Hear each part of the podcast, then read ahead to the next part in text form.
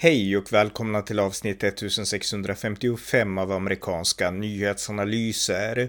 En konservativ podcast med mig, Ronny Berggren, som kan stödjas på swishnummer 070-30 28 95 0. Idag beslöt brittiska Tories att välja Liz Truss som ny partiledare. Därmed blir hon också, från och med imorgon, Storbritanniens nya premiärminister. Här kommenterar min kollega John Gustafsson saken. Varmt välkomna! John Gustafsson, välkommen.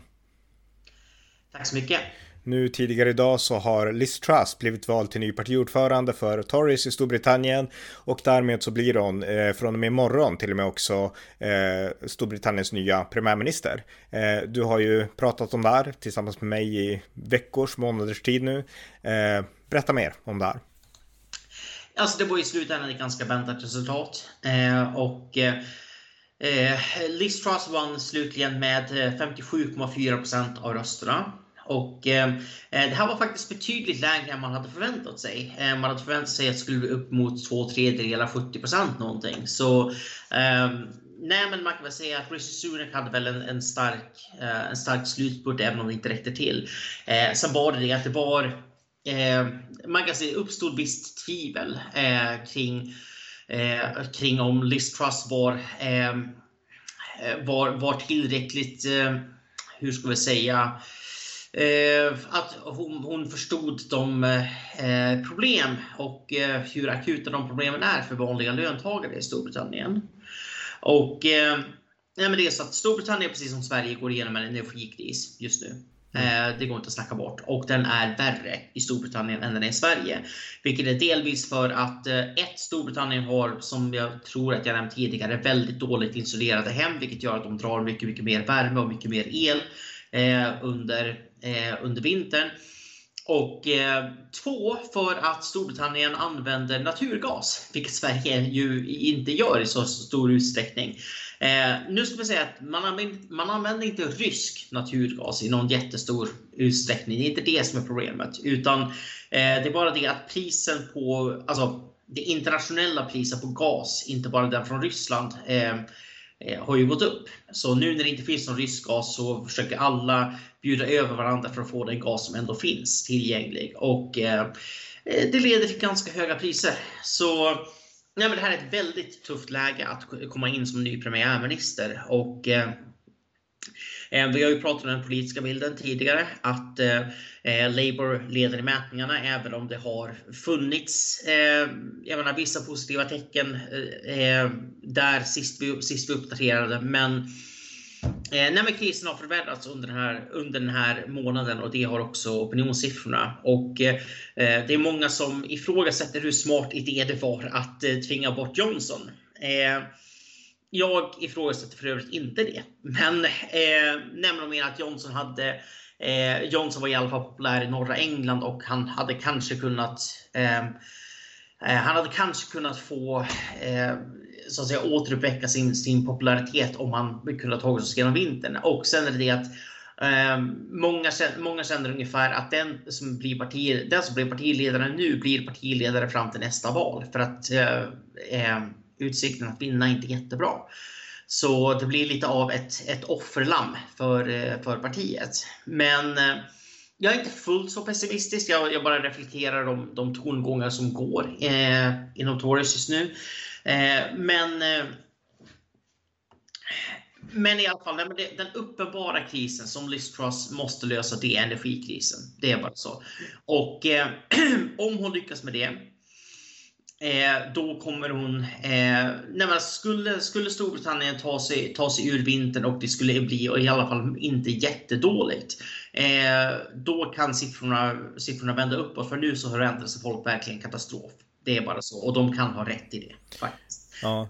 Eh, Okej, okay. hon tar över imorgon då efter Boris Johnson och i sitt tal som hon höll tidigare idag så jag har inte sett det, jag bara läste referat och ja, visade hon ändå uppskattning för Boris Johnson och sa att han var, han hade lett liksom Brexit och, och sådana saker och att han hade besegrat Jeremy Corbyn och, och liknande så att hon hyllade ändå Boris Johnson så att det känns som att det här kommer ändå bli ett, ja, det kanske kommer ändå bli en fortsättning lite grann på Boris Johnsons politik i alla fall och det är också det som har gjort mig skeptisk till Liz Truss. Det minns ni som har följt våra tidigare poddar nu under sommaren. Att eh, det som min kritik mot Liz Truss, det är inte att hon röstade Remain 2016. Det kunde jag bry mig mindre om. Jag är övertygad om att hon, eh, jag menar, eh, Alltså, det är många på, på högre Twitter, de som ändå har följt de här nyheterna, så är det flera som anmärker på det och säger att ja, hon, är, hon, hon röstade Remain eller hon är liksom eh, en globalist eller liknande. Eh, det är rent bullshit. Men, eh, Eh, men, med, det, men med det sagt, eh, så nej men jag, hon har övertygat mig på den punkten. Men hon är väldigt nära kopplad till Boris Johnson. Så men Liz Truss är, nej men som du är inne på, hon är en kontinuitetskandidat. Hon är eh, inte en förnyelse på så vis. Och eh, man kan ju fundera på, hade det inte varit, eh, man kan ju fundera, hade det inte varit bättre att bara ha någon Alltså någon som var verkligen en tydlig brytning med det, med det förgångna.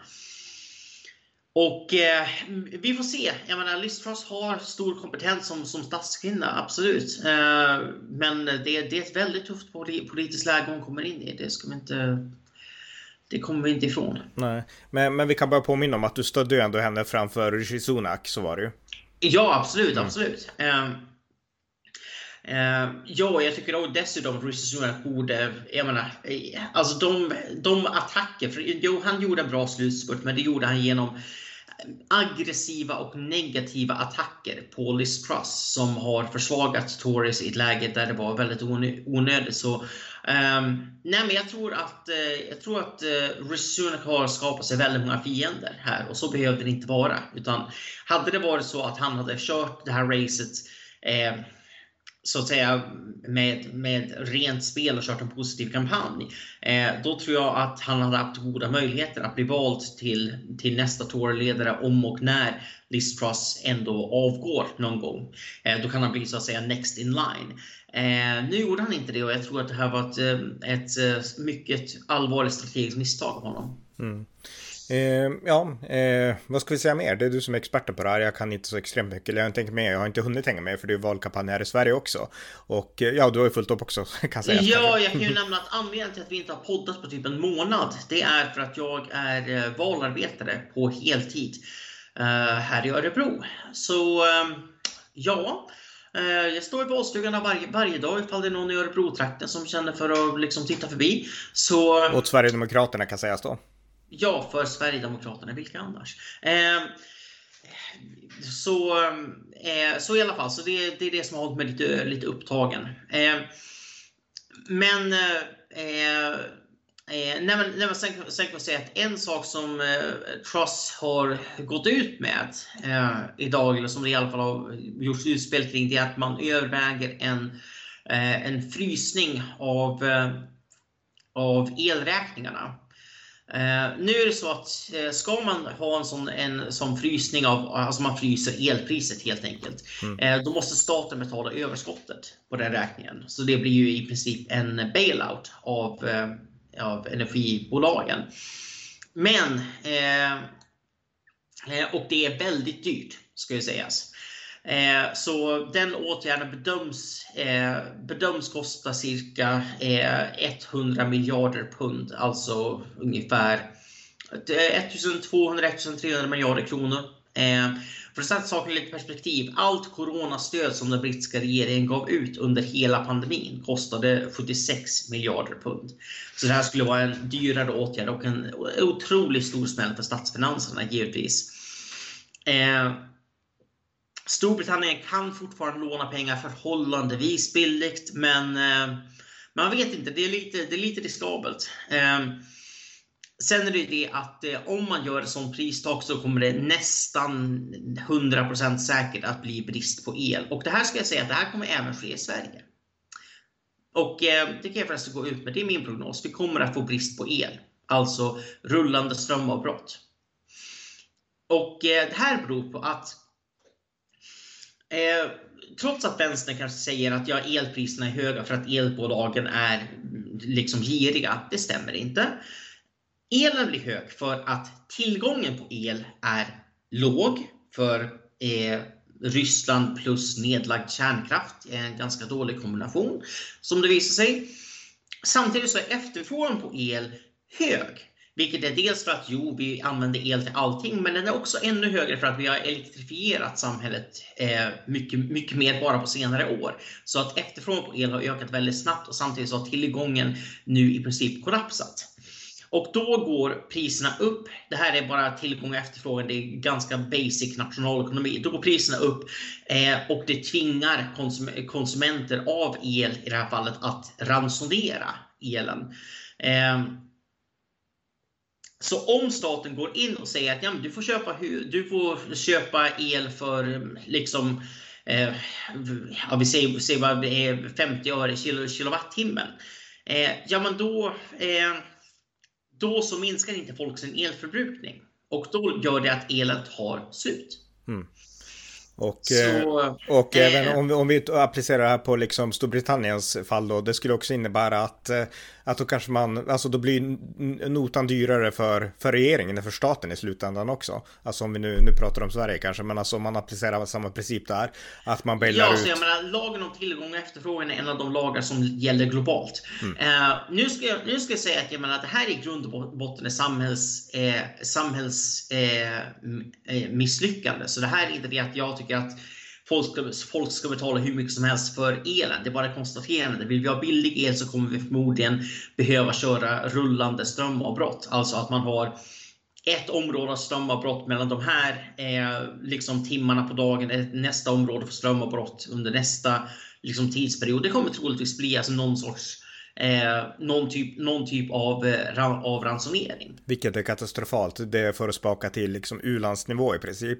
Eh, ja, jag menar, det är sånt, det är sånt man, man brukar ha i Mexiko ganska regelbundet. Mm, ja. råkar, råkar veta för min fru kommer därifrån. Mm, mm. eh, så... Men jag tänkte, för, om vi får tillbaka till diskussionen i Storbritannien lite grann, några korta frågor. När det gäller elpriser och så, här i Sverige vet vi varför. Liksom det blir dyrare, vi har lagt ner kärnkraftverk och eh, vi har helt enkelt inte hängt med i liksom, efterfrågan på, på liksom el och så. Men Storbritannien tänkte fråga, är de mer beroende av Ryssland? För vi är inte så beroende direkt av Ryssland i Sverige. Är de det i Storbritannien på något sätt? Nej, men de är mer beroende av gas i största allmänhet. När Ryssland inte säljer gas så blir det väldigt många köpare som flockas för att köpa den gas som inte kommer från Ryssland. Eh, och eh, det gör att eh, som sagt tillgång och efterfrågan, efterfrågan på den kvarvarande gasen blir ganska stor i förhållande till den eh, eh till, till, till tillgången på den gasen. Och eh, det får ju lite problem kan man ju milt sagt uttrycka det. Nej men alltså grejen är ju det att för allt det här snacket om, menar, om det är sossepriser eller Putinpriser, det är lite både och egentligen. Det är ju den, jag menar om man ska vara intellektuellt ärlig. Jag menar, sossarna har gjort i princip allting fel när det gäller energiområdet. Men även länder som gjorde allting rätt ser ändå en höjning av elpriserna, om än inte så dramatisk eh, som, i Sverige, som i Sverige. Ja, eh, som eh, vi kan, eller i alla fall jag kan avrunda det jag tänkte säga. Jag tycker att en av de saker som gjorde att jag stödde Liz Truss är att hon har en tydlig syn på Ukraina. Jag brukar säga det när vi pratar om henne och, eh, och sådär.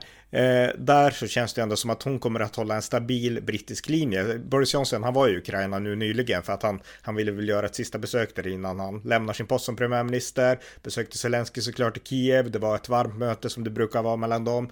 Men det känns som att det arvet, alltså stödet, det brittiska stödet till Ukraina, det kommer verkligen att fortsätta. Absolut, och det vi kan vara helt säkra på, för nu höjs det ändå röster. Jag menar, Ryssland har sagt uttryckligen nu att anledningen till att vi stängde av gasen, det är för era sanktioner. Det var väl något vi visste, men först så sa man att nej, men det är för att vi, vi måste göra tekniskt liksom, underhåll, eh, liksom det är därför. Nej, vi vet, vi vet nu, de, de har uttryckligen sagt att vi stängde av gasen för att, eh, för att ni har eh, eh, Eh, utfärda sanktioner mot oss och ni hjälper Ukraina. Om ni slutar med det då kan ni få gasen tillbaka. Då kan vi sätta på kranen igen. Och eh, ja, eh, nej men det, det, är bra, det är bra att veta. Men jag, menar, jag tror att det är stor risk att eh, det kommer höjas tankar eh, inom eh, eh, inte minst Tyskland och andra, eh, andra centraleuropeiska länder med en historik av att kuva sig för, för Ryssland eh, på att man faktiskt ska överge Ukraina. Man kanske inte säger exakt de orden, men man kommer ändå försöka att, jag menar, att ta upp tanken på att ge eftergifter för att i alla fall kanske kunna få någon gastillgång tillbaka. Man kan, få, man kan förhandla med Ryssland och det ska vi inte göra. Så, eh, och jag är helt övertygad om att Storbritannien kommer inte att vika sig. Eh, Storbritannien kommer fortsätta ha en ledartröja i Europa som de har haft i flera hundra år. Och eh, Storbritannien är, nej men Storbritannien är som jag, menar, jag uttryckte tidigare, det är fyrtornet som visar vägen genom historien. Mm. Ja, eh, som en sista... Och så kommer det vara även i den här historien. Mm, ja, verkligen. Som en sista sak som jag kan avsluta med det är att våran egen eh, statsminister Magdalena Andersson, hon, eller det var väl inte hon personligen då kanske, men hennes stab, de twittrade ut på Twitter eh, “Congratulations to Liz Truss” och så taggade de Liz Truss. Problemet var bara att de taggade en helt annan Liz Truss och den Liz Truss svarade “Looking forward to a visit, visit soon, get the meatballs ready”. Alltså det var en helt vanlig liksom. så rätt klantigt alltså, för de flesta brukar heta, alltså man är statsminister så heter man ju oftast inte sitt personnamn alltså utan då heter man typ Swedish PM eller någonting, alltså. Så jag menar, nu vet jag inte vad Liz Truss har för, för konto, men, men liksom klantigt, klantigt. men kul. Ja, det var, det, var lite, det var lite klantigt, men nej, men ändå, jag menar, jag hade inte väntat mig att de skulle gratulera honom, henne, henne överhuvudtaget, så jag menar, ja, det, det översteg ändå mina förväntningar. Ja. Men, men det, jag har lagt ribban väldigt lågt. Mm. Eh, ja, eh, har du något mer du vill tillägga om det här eller ska vi göra en ny uppdatering framöver? Vi får göra en ny uppdatering framöver och troligtvis efter det svenska valet för jag eh, jobbar dygnet runt fram till dess. Jag förstår. Okej, okay. tack så mycket John. Tack. Ni har lyssnat på amerikanska nyhetsanalyser, en konservativ podcast som ni gärna får stödja på swishnummer 070-30 28 95 0 eller via hemsidan på Paypal, Patreon eller bankkonto. Jag vill också rikta ett särskilt tack till alla er som stött under åren. Det var allt för idag, men glöm inte att om ni har möjlighet också skänka en slant till valfri Ukraina-hjälp. Vi hörs snart igen, allt gott tills dess. Thank